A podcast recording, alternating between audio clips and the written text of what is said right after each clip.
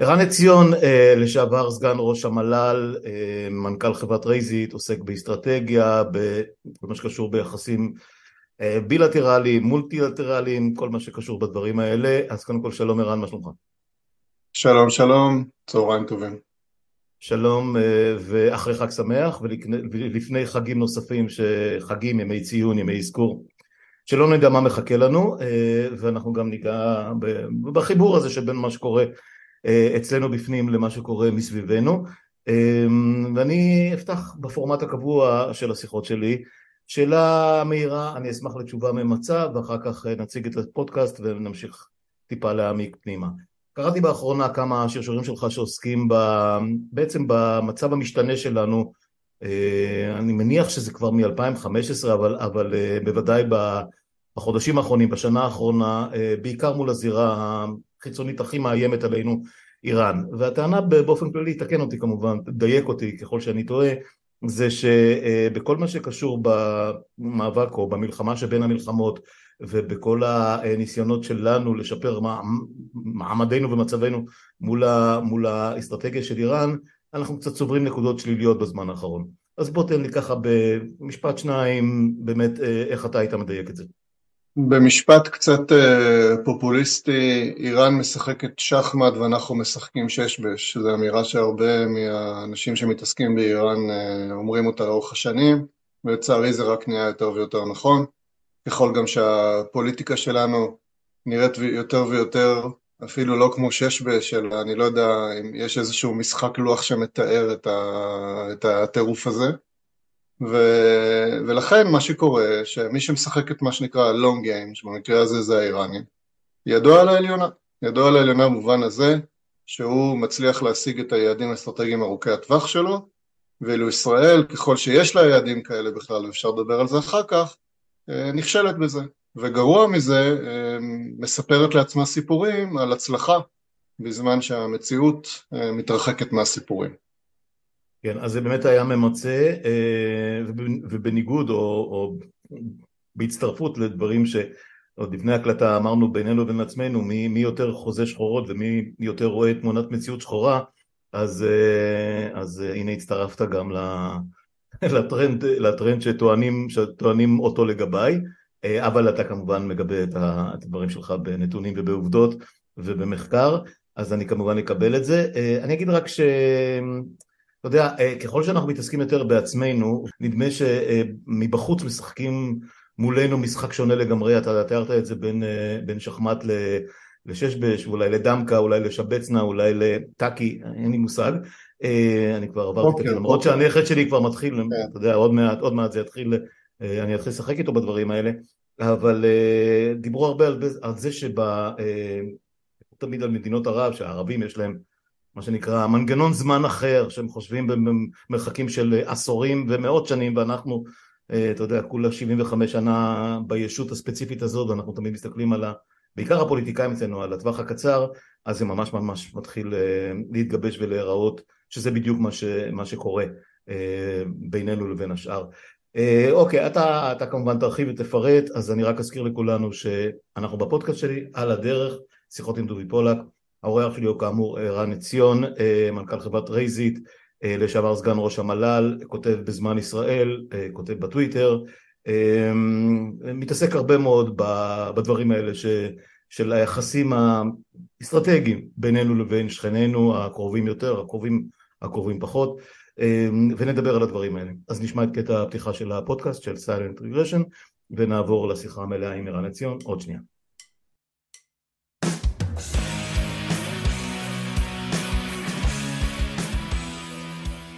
אז ערן, ערן עציון איתי אה, ואנחנו נדבר קצת על, אה, על מצבנו מול ה... אה, איך נקרא לזה היריב, אני לא יודע כמה אויב, אולי הוא גם אויב, אתה תגדיר את זה, אבל בהחלט היריב האסטרטגי הכמעט עתיק שלנו במונחים, במונחים של השנים של ישראל, נניח בשני העשורים האחרונים שזה הולך ומצטבר ומתעסקים עם זה המון, זוכרים כותרות איראן קרובה לפצצה, אני חושב שראיתי, אני זוכר כותרת כזאת ממראה בתחילת שנות ה-80 וככה מדי עשור הם מתקרבים יותר ויותר וכבר הרבה מאוד שנים נמצאים פלוס מינוס באותו, באותו מקום, אבל אתה טוען שלמרות שזה נראה סטגנטי, הם הולכים ומצמצמים את הפערים ואת הזמנים ופותחים פער אסטרטגי מולנו לא לטובתנו, אז בוא, בוא תספר לי על זה. בואו ננסה לעשות זה בצורה שמאזינים יוכלו להתחבר אליה וגם אה, שזה, אני מקווה, ישרת אותם בהמשך כשהם אה, ממשיכים אה, לחשוב וככה לתהות בינם לבין עצמם ועם אחרים על בעצם איך נכון להסתכל על האזור, על היריבות בין ישראל לאיראן, על מאזן הכוחות וכולי.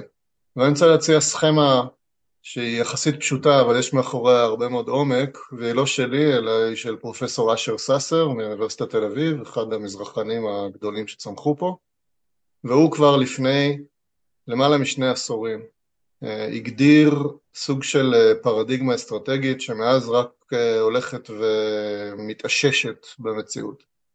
למרות שוב שהיא נשמעת כאילו טיפה יותר מדי נוחה אבל uh, מה לעשות, המציאות uh, הסתדרה לפי הפרדיגמה, לא, זה לא קורה הרבה. והפרדיגמה הזאת אומרת את הדבר הבא, בוא נסתכל על המזרח התיכון, אם הייתה לך פה מפה היינו עכשיו שמים אותה על הקיר. Uh, יש את גוש המדינות הערביות שהוא לב ליבו של המזרח התיכון, מעיראק במזרח ועד לבנון במערב, מצרים או אפילו סודאן בדרום וסוריה בצפון. והגוש הזה תחום על ידי שלוש מדינות לא ערביות, במזרח איראן, בצפון טורקיה ובמערב ישראל. והטענה שלו אומרת שעתידו של המזרח התיכון, ושימו לב, זה הוא אמר כבר לפני עשרים שנה, יוכתב על ידי עלייתן של שלושת המעצמות האזוריות הלא ערביות, איראן, טורקיה וישראל, ומאזני הכוח ומאבקי הכוח ביניהם. הפרדיגמה הזאת בעיניי היא הדרך הנכונה להסתכל על האזור שלנו גם היום וגם לעתיד. ככה צריך להסתכל על זה, בניגוד לכל מיני פרשנויות אחרות או הסתכלות מיקרו כזאת של אוי עכשיו אתמול היה ביקור של הסעודים אצל הסורים ומחר יהיה פיוס בין הבחריינים לקטרים ואוי גוואלד ישראל צריכה להתחיל לדאוג. לא, נתחיל מה, דווקא מהמקרו הזה כי זה הדבר החשוב בעיניי. יש פה שלוש כוחות לא ערביים עולים והם אלה שבסופו של דבר מעצבים את עתידו של האזור יותר מאשר כל אחת מהמדינות הערביות או כל קואליציה קיימת ביניהם או לדעתי גם אה, מסתמנת ביניהם.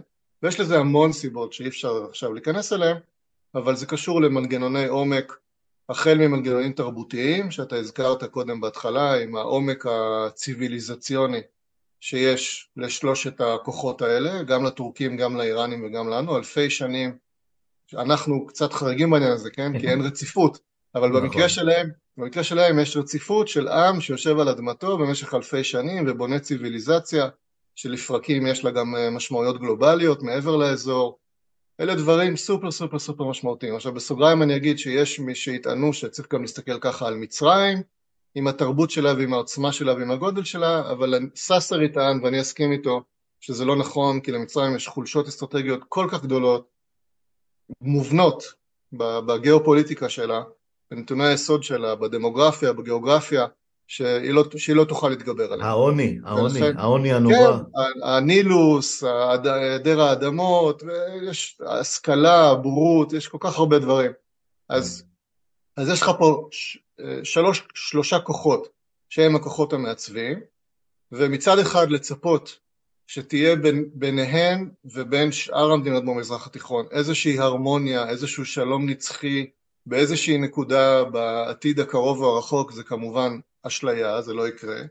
מצד שני, לצפות שאחד מהכוחות האלה יימחק מעל פני האדמה, גם זאת אשליה שחבל אפילו להשחית עליה מילים.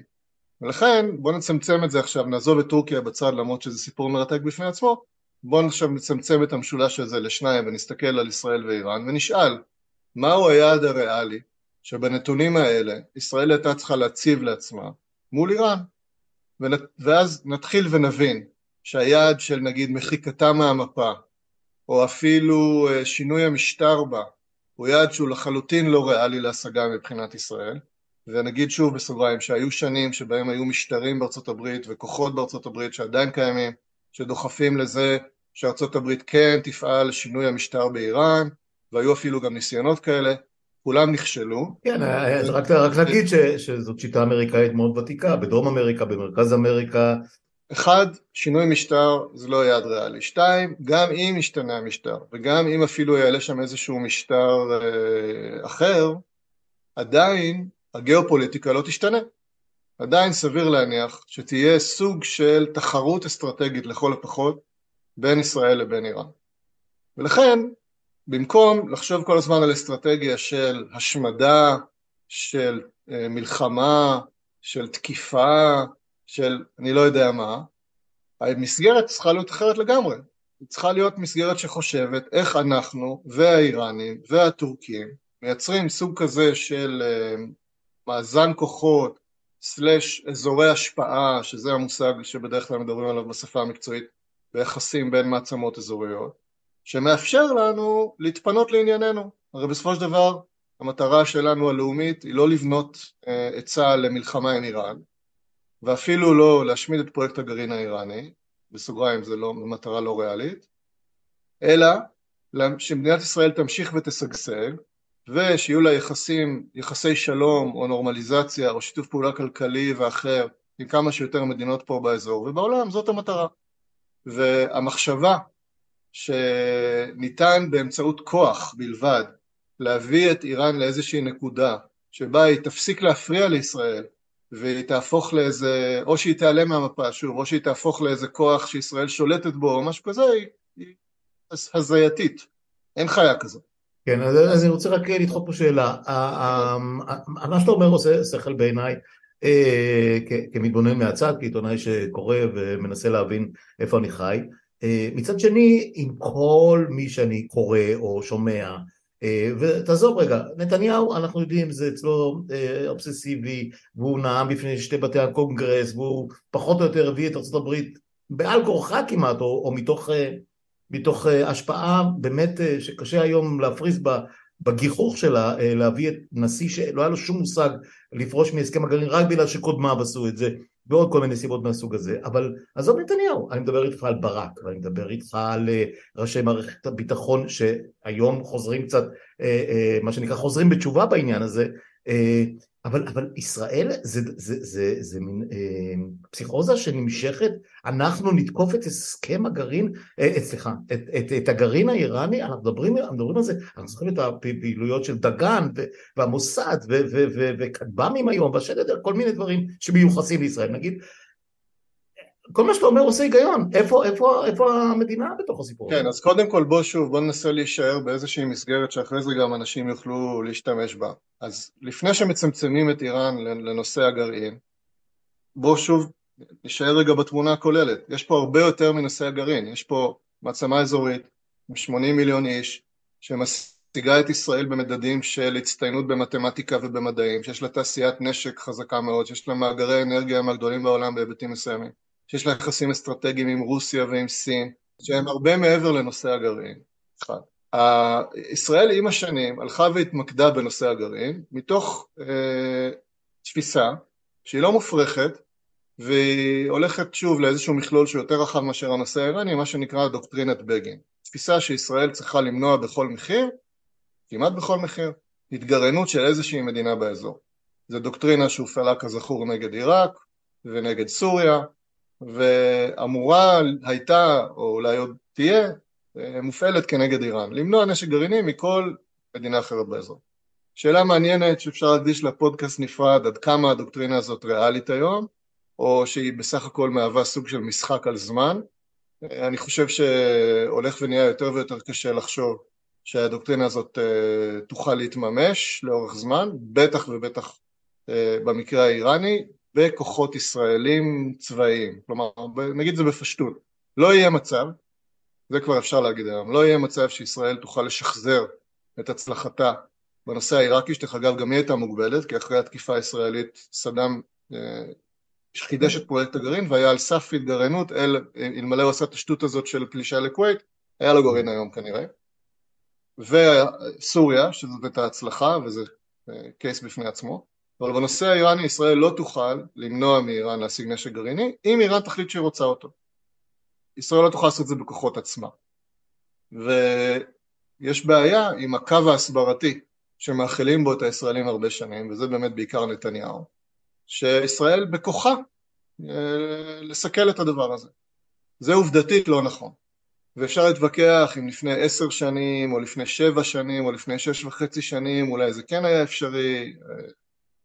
אני חשבתי גם בזמנו שזה לא נכון, והרבה מהמומחים חשבו גם אז בזמנו שזה לא, שזה לא באמת אפשרי, אבל היום אני לא חושב שתמצא אחד, מומחה רציני אחד, שחושב שישראל יכולה בכוחות עצמה אה, ובאמצעים צבאיים לסכל את פרויקט הגרעין האיראני, הסיפור הזה נגמר. מה שכן ניתן לעשות זה להמשיך ולהפוך אה, את ההשגה של נשק גרעיני ללא כדאית מבחינת האיראנים בתחשיב שלהם, בתחשיב מאוד מאוד אה, מסובך שכולל את כל השיקולים הגיאו-אסטרטגיים, שכולל את השיקולים הכלכליים, המדיניים וכולי וכולי וכולי.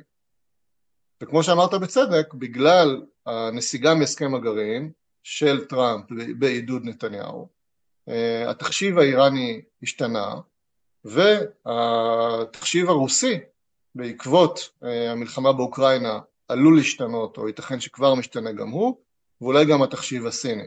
אז אנחנו נמצאים היום במצב שבו להבדיל מהימים הטובים של הסכם הגרעין, שבהם ארצות הברית הצליחה ליצור חזית בינלאומית אחידה, חסרת תקדים, כולל עם הרוסים והסינים, כולל עם האירופים, כולל עם ההודים, כולל עם אחרים, שבאמת אה, דחפה את איראן בלית ברירה כמעט להגיע להסכם, החזית הזאת התפוררה, והיום השקלול גם של האיראנים, גם של הרוסים וגם של הסינים, לאור, שוב, הגיאופוליטיקה הכוללת, אוקראינה וכולי וכולי, הוא כבר כזה שעלול להביא אותם למצב שהם יגידו, רגע, בעצם אולי נשק גרעיני לאיראן זה לא רעיון כל כך רע.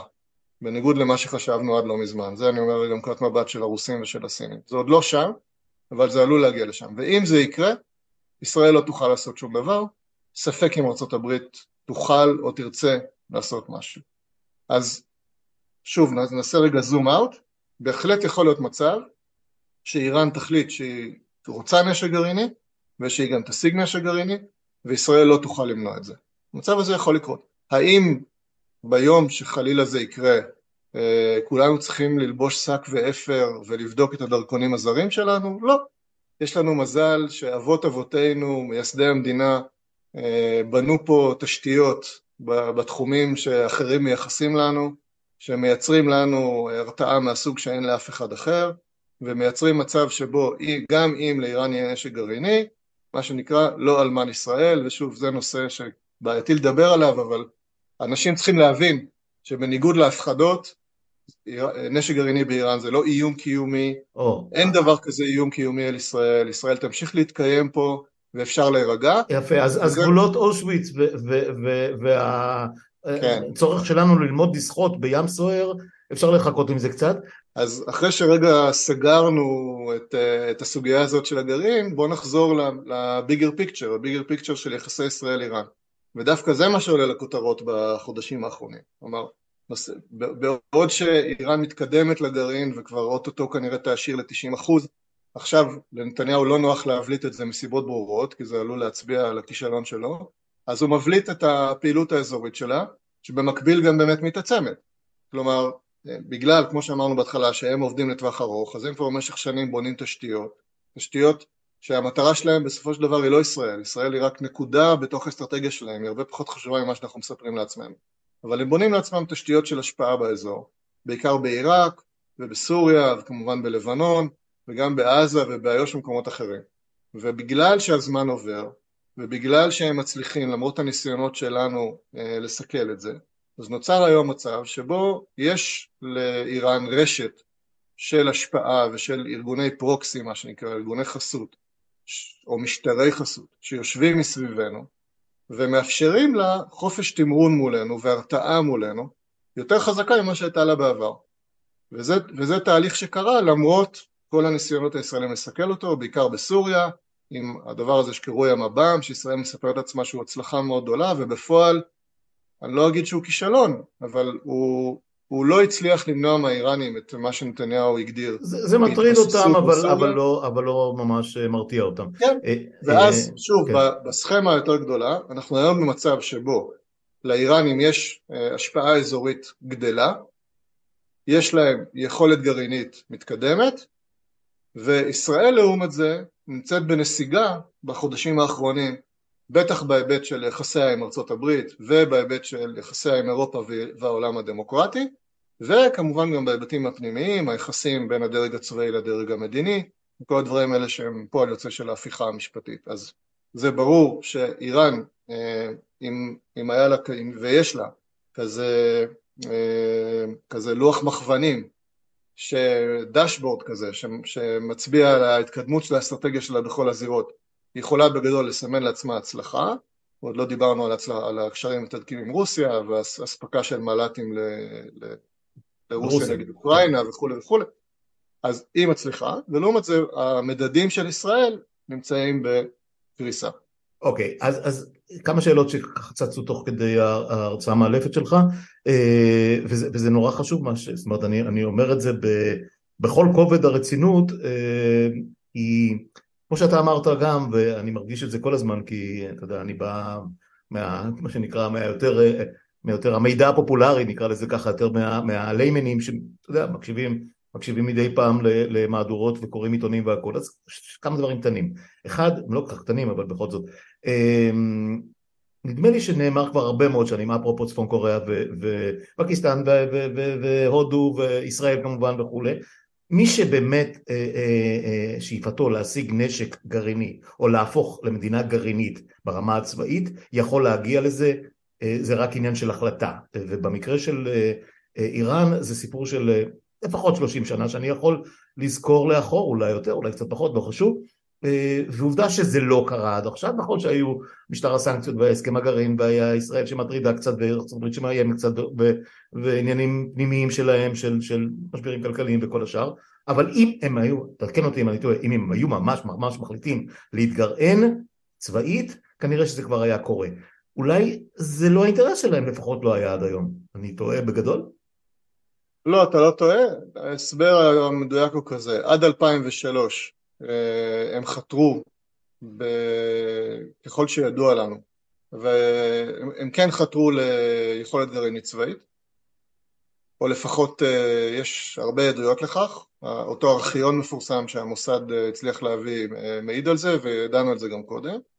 מה שקרה ב-2003 זה, שזה הפלישה האמריקאית לעיראק, שגרמה להם לעצור ולחשוש שהם הבאים בתור, ואז הם פירקו את אה, מה שנקרא קבוצת הנשק והפסיקו את המאמץ הזה, וככל שידוע לנו, מאז ועד היום, ההחלטה האסטרטגית שלהם היא לא להגיע לנשק גרעיני, או נאמר את זה הפוך, אין החלטה להגיע לנש... ליכולת גרעינית צבאית, יש כן החלטה ל... ו... וביצוע של פרויקט אה, גרעיני אזרחי מאוד מתקדם, שיש לו כמובן גם משמעויות צבאיות, נגזרות צבאיות אפשריות יחסית קלות, ומה שהם אה, חותרים אליו כנראה זה סוג של מה שנקרא מדינת סף, שזה מונח מאוד בעייתי, שיש לו כל מיני הגדרות, אבל שוב לצורכי המאזינים הנבוכים, מדינת סף זה בגדול מדינה שיכולה במאמץ לא גדול, אה, החל מנגיד המקרה היפני שזה פחות או יותר סיבוב של בורג, דרך מקרים של מדינות אחרות שבהם אולי זה עניין של שבועות או חודשים ספורים, אבל שכל היכולות קיימות, שכל האמצעים קיימים, ועכשיו זה באמת רק עניין של כוונה ושל החלטה, ואפשר להגיע ליכולת גרעינית צבאית. אז השאיפה של האיראנים, כנראה, לפחות מאז 2003, אה, היא, היא הייתה ונשארה כזאת, להיות מדינת סף. האם זה ישתנה? האם הם יחליטו ששווה להם, מסיבות כאלה או אחרות, אה, לשנות את ההחלטה הזאת, וכן להגיע ליכולת גרעינית צבאית? זה יכול לקרות, זה מאוד דרמטי, התחלתי להגיד קודם שייתכן מצב שבו הם יחשבו או ידעו שיש להם גיבוי רוסי ואולי סיני להחלטה כזאת ואז זה יכול להיות ה game changer שהביא אותם להחלטה הזאת זה כמובן לא דבר פשוט גם מבחינת הרוסים, הרוסים כל השנים מאוד התנגדו ליכולת גרעינית אה, צבאית. זה גם בחצר האחורית שלהם, זה מאוד נכון, קרוב אליהם מדי. נכון, אפשר להסביר באותות ובמופתים למה זה לא אינטרס שלהם, אבל אפשר גם להסביר למה אולי זה כן. אה, לאור, ה, לאור ההתפתחויות הגיאופוליטיות וה, כן, נראה מה, ב... איזה, איזה סוג כן. של רוסיה תישאר אה, בסוף או, או לקראת, אה, אתה יודע, זה... השלב הבא של המלחמה מול אוקראינה, זה לא כל כך פשוט. אני אומר, יש, זה, בעוד שזה היה תרחיש מופרך עד לא מזמן, עכשיו בעיניי זה כבר לא תרחיש מופרך. בכל אופן, המצב העובדתי כרגע וראש ה-CIA אישר את זה עד רק ממש לא מזמן, וגם ראש אמ"ן אישר את זה לא מזמן, שככל שידוע לשירותי המודיעין האמריקאים, הישראלים ואחרים, אין שום אה, מאמץ, אין, אין החלטה איראנית להגיע לנשק גרעיני צבאי, לאכול גרעינית צבאית, ואין מאמץ מזוהה להגיע ליכולת הזאת. אוקיי, okay, אז זה עניין אחד, העניין השני הוא... למעט, צריך לסייג, העניין של ההשערה לרמות של 90 אחוז, זה השערה שהיא השערה לרמה צבאית. כן. יש להם כל מיני טיעונים, שזה לצורך דלק לצוללות וזה, לא משנה, אבל זה, ברמה של ההשערה הם כן אה, עושים מה שיכול בצורה לגיטימית להיקרא אה, בעיניים חיצוניות כמאמץ להגיע ליכולת שיש לה נגזרות צבאיות, אבל בהיבטים של מנגנון אה, של פצצה וכל הדברים האחרים שנדרשים בכדי להגיע למה שנקרא יכולת גרעינית צבאית, הם, הם ככל הידוע לא נמצאים על, ה, על הנתיב אוקיי, okay. אז, אז זה גם רצון גם, וגם אה, אה, שיקולים בילטרליים אה, מול, מול רוסיה, כן, כן תתמוך, לא תתמוך וכן הלאה. הדבר, הדבר האחר, אה, לפני, ש, לפני שנגיע ל... ל אה, התהייה שלי לגבי, אתה יודע, חיבורים של שינים, שיעים וסונים ויריבויות. אזוריות מקומיות כמו הסעודים וחלק מהמפרציות שאינן, שאינם שיעים מול איראן, שזה קצת משהו שסיפרו לנו שזה לא ייתכן ולא עולה על הדעת, הנה זה עולה על הדעת, אבל עוד רגע לפני זה, עוד משהו שככה מנקר לי בקצה הראש, אפרופו היכולת שלנו לפגוע באמת בגרעין או של ארצות הברית לצורך העניין אה, אותם שמועות שבשלושת החודשים האחרונים של כהונתו של טראמפ אחרי שהוא נבחר הוא כמעט לחץ על הכפתור וכמעט עשה דברים. אני לא יודע אם מישהו היה באמת לוחץ בשבילו על ה... היה משגר את הפצצות האלה אבל, אבל זה באמת לא משהו שאני יכול להעיד עליו. אה, נדמה לי שבשלב הזה של איראנים שאיראן נמצאת בו ובכמות הכורים אה, המפוזרים והמבוזרים שלהם והמתקנים והחפירות, זאת אומרת כל, כל הבונקרים התת-קרקעיים והכל, לדבר על תקיפה אפקטיבית או תקיפה בכלל, זה נראה לי משהו שמישהו כבר היה צריך להעיף את זה מהשולחן, זאת אומרת, נו באמת, מה, מה, מה בדיוק, נניח שישלחו עכשיו, לא יודע מה, 300-400 טומהוקים ונשלח את ה-F-35 ונפציץ כל, כל, כל דיון שם, זה לא יחדור לשום מקום, ואם יפגע אז האסון עשוי להיות, עלול להיות, אם באמת זה יפגע ויביא לאיזושהי נשורת גרעינית, כאילו, על מה אנחנו מדברים? זה, זה, זה, זה זה נשמע לי חרטה, סליחה, בלי, בלי להסגיר סודות, כי אני לא יודע סודות, לא יודע. אז אני כן יודע סודות, ולכן אני מוגבל במה שאני יכול להגיד על זה, אבל אני, כן, אבל אני כן אגיד ש...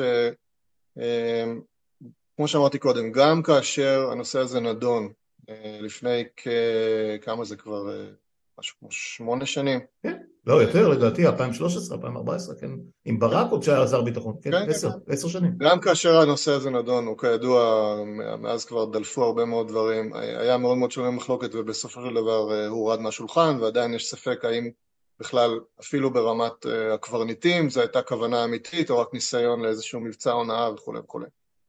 ובוודאי ובוודאי היום, כאשר המאמץ האיראני מאוד התקדם, ומספר המתקנים גדל, והמיגון שלהם השתכלל, והידע שצברו האיראנים אה, התקדם מאוד והוא כמובן לא בר אה, גלגול לאחור. Mm-hmm. והזירה הבינלאומית כמו שאמרנו, שנמצאת היום במקום אחר לגמרי. אין התכנות היום להשמדה צבאית של פרויקט הגרעין האיראני, בטח לא על ידי ישראל. סימן שאלה גדול לגבי ארצות הברית, גם אפילו, ואין באמת תרחיש כזה אבל נניח שתחליט ארצות הברית שהיא רוצה לצאת למלחמה עם איראן ושמכת הפתיחה שלה תהיה השמדה של אה, מתקני הגרעין, זו משימה מאוד מאוד קשה. אה, המשמעות שלה תהיה, עלולה להיות עד כדי מלחמת עולם, והיא בוודאי אה, תצית פה את האזור כולו להרבה מאוד חודשים אם לא שנים, ולכן כל הדיבור הזה המופקר בעיניי על הכנות לתקיפה ישראלית, בדיוק. ש, שהוא כמובן לא רק דיבור, הוא בסוף גם הקצאת תקציבים שהולכים על חשבון... או, או, זה בדיוק העניין, הם ממשכנים את העתיד שלנו בשביל הזיות אה, כן, אה, כן. אה, קצרות טווח שאין להם שום שחר. ואין, ואין אני לא מחייב אותך בזה, זאת אומרת... ואין מי שיגיד שהמלך הוא עירום. ואין פה באמת הבדל בין הממשלה הנוכחית לממשלה הקודמת, לצערי, גם הממשלה הקודמת פסק... והבאה, והבאה גם, לצערי. כן, בוא נקווה שלבאה יהיה את ה... את ה-common sense המינימלי, לעשות הערכת מצב רצינית, כן. להבין את המגבלות ולשנות את הקצאת המשאבים, במקום לכיוון של, של מלחמה יזומה עם איראן. אני לא אומר כמובן שלא צריך להיות מוכנים, זה נראה כמו באמת בזבוז עצום של, של משאבים וטעות אסטרטגית. איך פתאום, אחרי כל השנים האלה שמספרים לנו על אין שום איזה שם ומים, אה, אה, אה, סונים ושיעים, וסעודיה היא היריב הכי מר של, של איראן, היא ה buffer, buffer של ארה"ב מול ההתפשטות השיעית, מול ההתפשטות האיראנית באזור ההשפעה, וכמובן היחסים שהתערערו מאוד בין סעודיה לארה"ב, ירידת ה... קרנו של הנפט הסעודי, כל הדברים שאנחנו מכירים, ההתנהגות של בן סלמן עם, עם הרצח של חשוקג'י, כל הדברים שאנחנו יודעים, ובכל זאת, פתאום הם באים לביקורים הדדיים, הם הולכים לחתום על הסכם, וזה רגע אחרי שנתניהו, כשנבחר, או רגע לפני שנבחר, הודיע שהשלב הבא זה בוודאות נורמליזציה עם סעודיה. אז זה לא קורה, ומצד שני האיראנים באים לשם. תן לי סקירה קצרצרה על הדבר הזה. כן, יש פה בעיה של אה, הדרך שבה אנחנו בוחרים להסתכל, ובעיקר זה מה שקורה בתקשורת ובתעשיית הפרשנות של אה, המזרחנים הישראלים. פרשנים לענייני הערבים שמנסים לפרש התנהגות של איראנים שאינם ערבים, שזה דבר פנטסטי בעיניי. כן, אבל גם את העניינים הערבים הם מפרשנים באיזושהי צורה שהיא מאוד בעייתית, כי היא מאוד נאחזת בכאן ועכשיו, והרבה פעמים היא לא נותנת את הפרספקטיבה ולא עוזרת להבין, אלא רק מבלבלת. זה שלפני שנה היה משבר קולוסלי בין קטאר לבין שאר חברות ה-GCC, אה, והיום הם מתפייסים. זה חלק מדינמיקה, שאם מסתכלים בפרספקטיבה של עשרות שנים, מבינים שככה זה. דרך אגב, זה גם לא... זה אומנם uh, טיפה יותר אינטנסיבי, אבל זה לא מאוד שונה מדינמיקה של יחסים בין מדינות במקומות אחרים, בטח באפריקה ואפילו באירופה. מדינות מתפייסות ורבות ומתפייסות שוב, וקיימות ביניהם יחסים שהם יחסים מורכבים, זה לא שחור לבן, או שאתה חבר שלי או שאתה אויב שלי. רוב המדינות נמצאות ביחסים הרבה יותר מורכבים, שבהיבטים מסוימים יש ביניהם יחסי ידידות ושיתוף פעולה, בהיבטים אחרים יש ביניהם יריבות ותחרות. ו- וזאת המפה, וזאת, והערבים במובן הזה לא, לא מאוד שונים. ויש איזו התאהבות, איזה אוריינטליזם כזה, במיקרו של המיקרו, של השליט ההוא שמסוכסך עם השליט הזה, והפיוס של היום והמריבה של מחר. זה, זה לא עוזר להסביר ולהבין, זה רק מבלבל. צריך, צריך תמיד לנסות ולהסתכל על המגמות היותר ארוכות טווח ועל נתוני היסוד. יש לנו בסופו של דבר פה אה, מדינות שאף אחת מהן לא דמוקרטית, בכולן יש שכבת דקיקה של אה, אליטה, של מונ... בדרך, בין אם זה מונרכיה או כזאת שבמרכאות או לא במרכאות נבחרה או עשתה הפיכה או הגיעה לשלטון באמצעים כאלה או אחרים והיא מקיימת את עצמה באמצעות קומבינציה של שירותי ביטחון וצבא ושותפויות פנימיות, שבטיות או אחרות, כל, כל מדינה וה, והקייס שלה, ופה נכנסים גם ענייני הסונים והשיעים וכולי. אבל זה לא משנה את התמונה הגדולה. בתמונה הגדולה המדינות האלה ברובן הן מדינות חלשות מאוד, הן מדינות שבהן היחס בין המשטר לבין העם הוא יחס של עוינות, המשטרים האלה אה, הם לא פופולריים, הם כמובן לא מצליחים לקדם את ה... לא מנס... חלקם לא מנסים, ודאי לא מצליחים לקדם את העמים שלהם בהיבטים של חינוך, בריאות, רווחה וכולי, רמת העוני והדלות והבורות במזרח התיכון היא מחפירה גם בהשוואה לאזורים אחרים בעולם, והתמונה הזאת לצערנו לא משתנה, זה אחד. ושתיים, גם בהיבט של האיומים וההזדמנויות שיש לישראל, אז גם פה, למרות אה, האינדוקטרינציה שמנסים פה אה, בכוח להחדיר לנו כבר אה, הרבה מאוד שנים, כל, נתון, נתון היסוד הזה לא השתנה. כל עוד ישראל תמשיך להיות הכובשת של העם הפלסטיני באיו"ש ובמידה קטנה יותר בעזה, ולא נפתור את הסכסוך הישראלי-פלסטיני, האופק שלנו לשינוי מהותי ביחסים עם רוב מדינות ערב, הוא יישאר מאוד מאוד בעייתי. וישראל מה שהיא בוחרת לעשות זה לספר לעצמה שהיא יכולה כן לקדם יחסים משמעותיים עם אה, מדינות ערב האחרות בזמן שהיא מדכאת את האוכלוסייה הפלסטינית ומטאטאת מתחת לשטיח את הסכסוך הישראלי-פלסטיני, ושהדבר הזה יכול להיות אסטרטגיה ארוכת טווח ש... שתעבוד. ואני, ואני חושב גם רבים אחרים, חושבים שגם זו טעות איומה ש... שכבר מתנקמת בנו ותתנקם בנו עוד. וזה נכון שהסכמי אברהם היו פריצת דרך, וזה נכון שיש משטרים ערבים היום שמוכנים לנהל אה, יחסים אה, גלויים יותר עם ישראל, וזה נכון שאפשר היום לקפוץ על מטוס לדובאי ולאבו דאבי וזה יופי, אבל זה לא משנה את התמונה הגדולה. התמונה הגדולה האסטרטגית היא, ש... ואנחנו גם רואים את זה כל פעם שיש מהומות בהר הבית או בכל דבר אחר, הוולטיליות, הפריחות, השבירות של היחסים הפתוחים לפחות, של הנורמליזציה עם כל, עם כל מדינות ערב, היא תישאר כזאת כל עוד אנחנו נברח, נברח מעיסוק אמיתי בסכסוך הישראלי-פלסטיני, וזה ימנע מאיתנו, וכאן אני בכוונה רגע חוזר לסכמה הגדולה שציירתי בהתחלה, אם אנחנו חוזרים לאיראן, ישראל, טורקיה, וליכולת אה, שלנו לבסס פה לאורך זמן מאזן כוח משמעותי מול האיראנים ומול הטורקים, ובאמת אה, להתפתח ולשגשג כמעצמה אזורית, אנחנו צריכים פה את אזורי ההשפעה האלה ואת הבריתות הקטנות האלה ואת הקואליציות אד הוק האלה, ואנחנו, כשהסכמי אברהם התחילו לסמן, ואני אומר זה היה חיובי, אבל בשביל באמת למצות את הפוטנציאל שלנו, אנחנו חייבים להתמודד גם, גם עם הסיפור של הסכסוך הישראלי-פלסטיני, ואז, ואני אזכיר פה את רבין, שהוא בעצם זאת הייתה האסטרטגיה שלו עוד בשנים שהוא היה ראש ממשלה, הרעיון שלו היה לבצר מה שהוא קרא טבעת של אה, מדינות שלום והסכמי שלום סביבנו, שזה כולל את מצרים ואת ירדן ואת הפלסטינים ובלונגרן גם את הלבנונים והסורים ואז הטבעת הזאת היא התשובה האמיתית, היא בעצם תמונת המראה לטבעת שאיראן עכשיו מייצרת עלינו.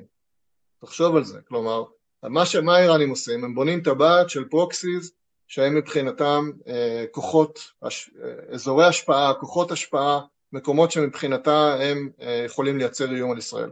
הרעיון של רבין היה הפוך, לייצר טבעת כזאת של יחסים טובים מספיק, בשביל שהמדינות האלה יהיו במרכאות או לא במרכאות בצד שלנו, כן, גם מול האיראנים, כן, ויהיו אזורי השפעה. נכון, אני זוכר את היריבות המרה שהופגנה באופן גלוי לחלוטין בין מצרים לאיראן, זה היה, זה, נכון. זה שנאה שאנחנו לא ידענו כמוה נכון. מולם. זה עוד ו... מהסכם השלום, הם ניתקו כן. את היחסים האיראנים אחרי, אחרי הסכם השלום. כן. אז, אז רבין חתר לטבעת של הסכמי שלום, שהיא זאת שתגן עלינו והיא בעצם המיצוי של הפוטנציאל שלנו כמעצמה אזורית מול האיראנים וגם מול הטורקים ובכלל. ובמקום להמשיך עם האסטרטגיה הזאת, נתניהו שבר אותה מיד אחרי שהוא עלה לשלטון. הסכמי אברהם זה איזשהו רסיס של הדבר הזה, אבל הניסיון לעקוף את הפלסטינים כמובן נדון לכישלון. ומה שקורה בינתיים שהאסטרטגיה שלנו ככל שהיא קיימת לא מצליחה, האסטרטגיה האיראנית מצליחה, כן, במקום אה, לקבל טבעת שלום קיבלנו סוג כן, של טבעת. אז, אז זה, זה, זה, זה נהדר, אתה אומר אסטרטגיה, אסטרטגיה שלנו כאילו שיש דבר כזה, אה, אבל, אה, אבל אתה יודע מה זה מקפיץ אותנו לימים האלה ול, ולמצב ה... אני לא רוצה להגיד בלתי צפוי, כי מי שהצביע ומי ש, מי ש, מי ששם לב איזה ממשלה הולכת לקום, ואתה יודע, גם אם זה היה רק 61 מנדטים, וגם אם זה היה נניח תיקו שבעקבותיו נתניהו היה מקים איזושהי ממשלה שהיא קצת פחות מטורפת מהנוכחית, עדיין ברור לגמרי שהייתה ממשלת שיתוק, הרי גם, גם הממשלה אה, שנפרדנו ממנה לפני אה, חצי שנה או ארבעה חודשים בפועל, גם היא הייתה ממשלת שיתוק במידה רבה, הייתה ממשלת שימור אה, קצרת טווח, אבל בוודאי שלא היה שם שום פריצת דרך לשום דבר.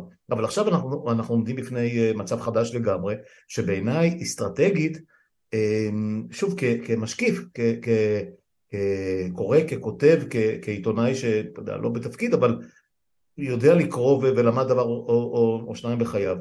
נדמה לי שזה יותר מסוכן מכל דבר אחר שעבר עלינו בכל שנות קיומנו. כבר אמרתי בכמה וכמה מהשיחות, מהמלחמות הכי קשות, בסוף בסוף בסוף יש הפסקת אש, יש הסכמים, אין הסכמים, אתה יוצא מהם, אתה... הרבה פעמים אומרים גם שמלחמה היא, היא מנוף לצמיחה. ו... ובמקרה שלנו זה נראה שקיעתה של הזריחה, זאת אומרת, ה... ה... אם באמת אנחנו הולכים להעמיק לתוך איזושהי אה, תיאוקרטיה, קלפטוקרטיה, דיקטטורה מכל סוג שהוא משטר סמכותני, טוטליטרי, whatever, אה, ו... ו... להסתגר לתוך, לתוך שמירה קנאית על המתנחלים ועל השטחים ועל הכיבוש ועל, ועל פונדמנטליזם ועל אה, שלטון דת, אה, איך אנחנו נוכל, איך אפשר בכלל יהיה להתמודד כאשר אנחנו בעצם מבודדים את עצמנו לדעת? אה, לא יהיה לנו את ארה"ב כי זה מאוד לא מוצא חן ביניהם, לפחות לא כמו שהיה בעבר, אה, כי אתה יודע, תמיד אינטרסים יהיו אינטרסים, אבל אירופה, האיחוד האירופי, אה, אתה יודע, בעלי ברית מקום המדינה פלוס מינוס כל אחד בתורו. איך, איך, איך, אתה יודע, אתה כחוקר, כמתבונן, איך יוצאים מתוך הפלונטר הזה? כן, אז באמת בתוך uh, זמן מאוד קצר נתניהו והממשלה הצליחו להביא אותנו לשוקת אסטרטגית שבורה שלא הייתה כמוה אף פעם. יש פה באמת התלכדות של מגמות, גם בינלאומיות, גם אזוריות וגם פנימיות, שהן כולן מייצרות איזושהי תרכובת שהיא מאוד שלילית ו- ומאוד מסוכנת. ואם דיברנו עד עכשיו על היכולת של ישראל להיות מעצמה אזורית ולייצר אה, הסכמים עם אה, מדינות ערביות ואזורי השפעה וכולי, כל הדבר הזה מניח שאת החזית המערבית יש לנו ביד. כלומר שיש לנו את ארצות הברית ויש לנו את האירופים לצידנו, זה כביכול מובן מאליו. נכון. אנחנו נושאים את המטוסים, אנחנו ראש הגשר, אנחנו אלטנוילנד, אנחנו הרבה דברים. מה זאת אומרת? וילה בג'ונגל, כן. מה? כן, אנחנו, אנחנו מורמים מהעולם, כן.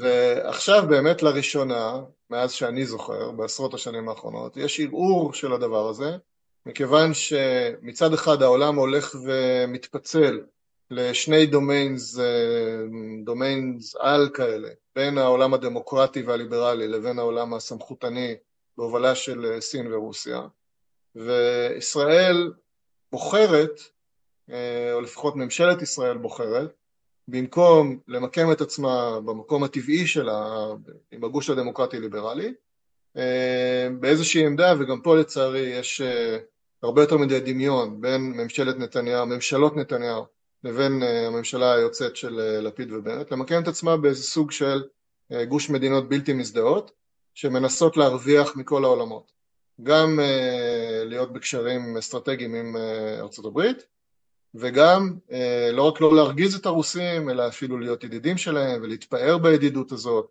ולנסות לתווך כביכול בין הרוסים לבין האוקראינים ולא לגנות. אתמול יצאה הודעה מבישה של אה, משרד החוץ הישראלי בעקבות איזה שהן תמונות זוועה שהיו על עוד איזשהו טבח רוסי באוקראינה וזה זה עצוב, אה, לא יודע אם לבכות או לצחוק, או שניהם, אבל אה, מה שהם אמרו שם זה שראוי לגנות את, המ... את המעשים האלה וזו הודעה קצרה של איזה שתי שורות שנזהרת כמובן מלהזכיר את המילה רוסיה כמו שישראל עושה כל הזמן בהקשר הזה. יש אנשים טובים באמת... בשני הצדדים, אתה זוכר את רם? כן, כן, זה באמת מחפיר. זה באמת מחפיר. אז כשמחברים את הנקודות אנחנו מקבלים מצב שבו מצד אחד אה, יש נסיגה חמורה מאוד ואיום על המאפיינים הדמוקרטיים ליברליים הבסיסיים ביותר של ישראל, זה מה שההפיכה הזאת מייצגת, והדבר הזה מביא להתרחקות די מהירה ומדאיגה של ארצות הברית מאיתנו וגם של האירופים, ממקם אותנו באזורים הלא דמוקרטיים ליברליים של העולם, לכאורה, אם רוצים להיות חצי ציניים או ניטרליים, לכאורה מקרבת אותנו למדינות כמו סעודיה ואיחוד האמירויות ואחרות שגם הן מנסות לשמור איזושהי ניטרליות ולשמר או אפילו לחזק יחסים אסטרטגיים עם סין ורוסיה על חשבון היחסים שלהם עם ארצות הברית אבל אני מקווה מאוד שאפילו התומכים הנלהבים של ההפיכה המשטרית לא באמת חושבים שהעתיד האסטרטגי שלנו נמצא במזרח ובסין וברוסיה ולא בארצות הברית. מה שהם מספרים לעצמם, אני חושב, זה שהם יכולים להחזיק את המקל בשני קצותיו ושמחר בבוקר טראמפ יחזור לשלטון או מישהו דמוי טראמפ ושוב ילבלבו היחסים בין ישראל לבין ארה"ב.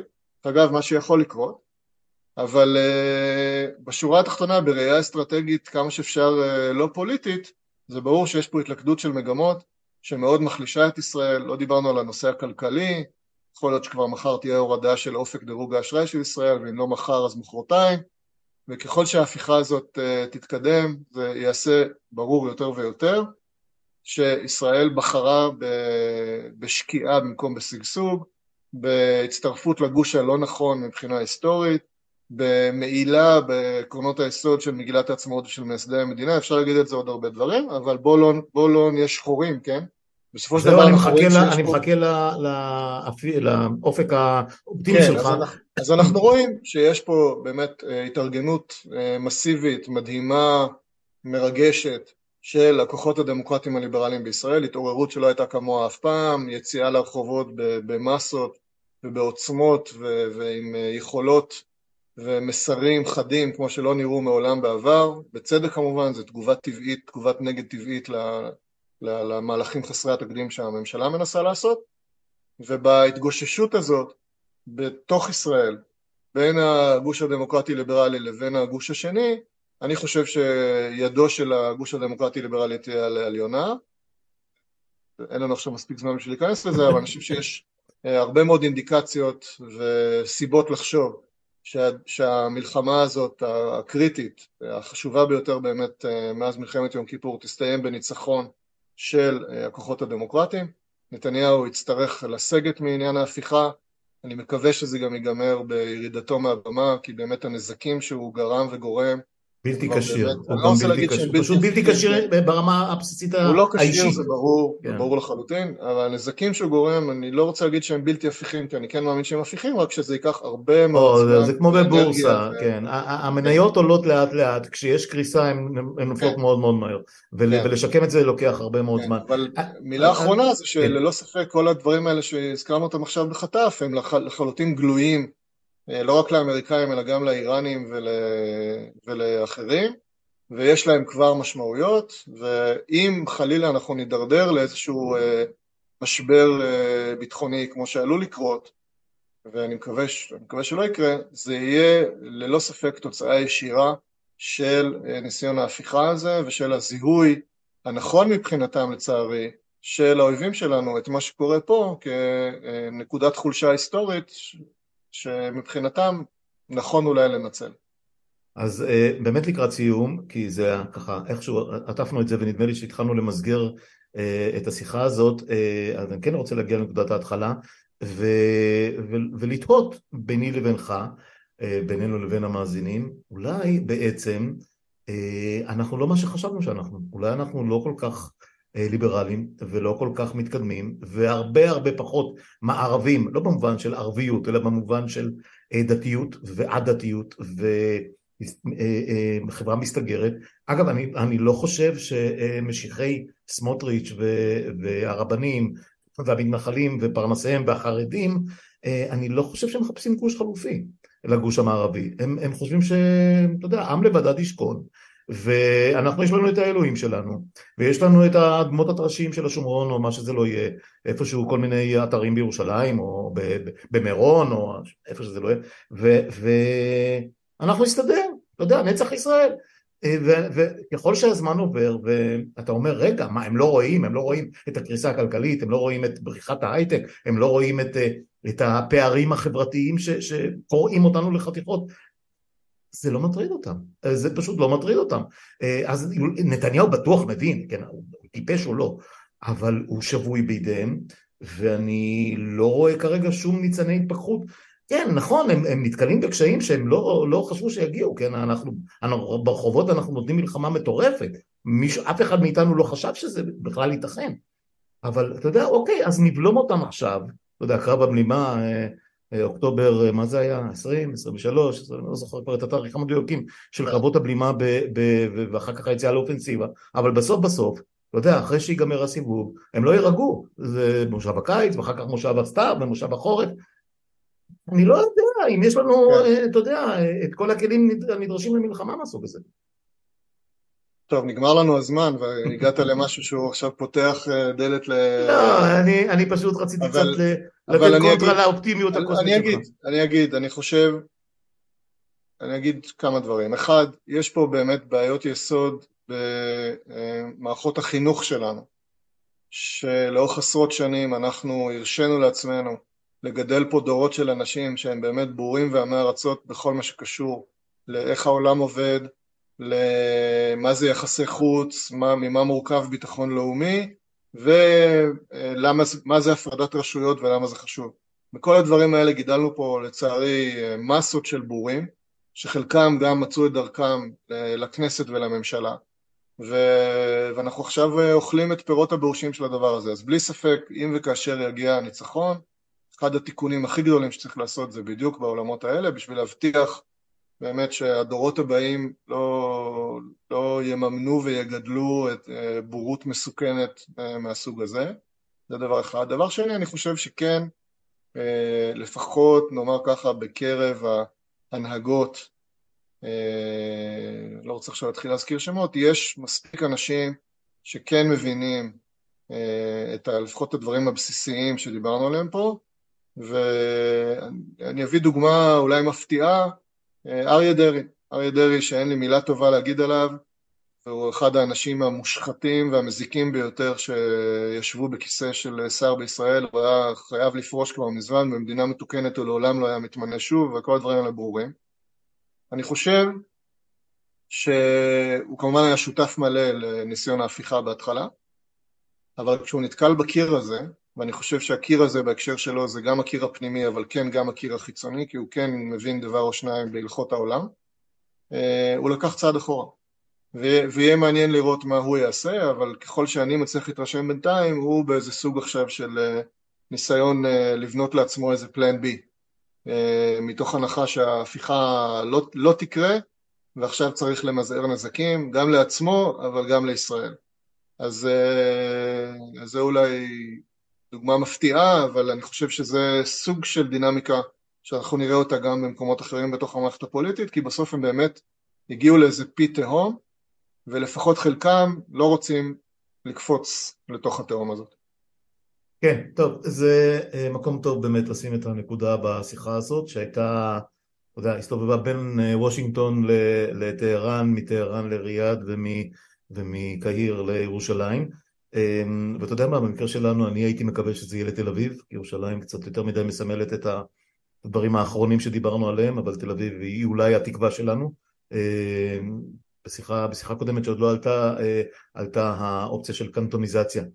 ואני לא בטוח, אני, אתה יודע, אה, שוב, לא, לא בקטע של אה, לראות שחור או מה שלא יהיה, אבל ב, ב, בסופו של דבר אני לא בטוח שהחברה הזאת תהיה מסוגלת להיות אחודה כמו שהיינו רוצים שהיא תהיה. יכול להיות שצריך יהיה לעשות איזושהי, כן, איזשהו גם, חיבור של שבטים גם, שהוא, לא, שהוא לא חברה אחת ממש. גם זאת שיחה נפרדת ואני לא נבהל מזה. אני ממש לא. יש הרבה מאוד מדינות בעולם שהשכילו לאורך השנים לבנות ארכיטקטורות מורכבות של פדרציה וקונפדרציה, אני עסקתי בזה בהקשר הישראלי-פלסטיני, כן. אה, ירדני. פדרציה או קונפדרציה לא הופך את זה, זה בוודאי לא כינוי גנאי ויש הרבה לא, מדינות לא, לא שמשגשגות אה, עם הדבר הזה, עד כמה זה אפשרי בישראל ואיך זה יכול לראות וזה, זה באמת אנחנו, כן, אנחנו, אנחנו מעורבבים מדי ואנחנו קטנים מדי ואנחנו לא מספיק עשירים כנראה. לא, לא, אני לא חושב, אני לא חושב. אבל הלוואי, תשמע, אני בעד, אני בעד לנסות כל כן. דרך, כי אני לא בטוח שיהיה איחוי אמיתי ברמה החברתית. ופה אני, פה אני מסרב להיות אופטימי, לא בגלל שאני לא רוצה להיות אופטימי, אלא כי באמת כן. הפערים הם איומים, איומים. בסדר, אה, ערן עציון, תודה שהתפנית אליי לשעה הקלה הזאת, אה, למדתי הרבה.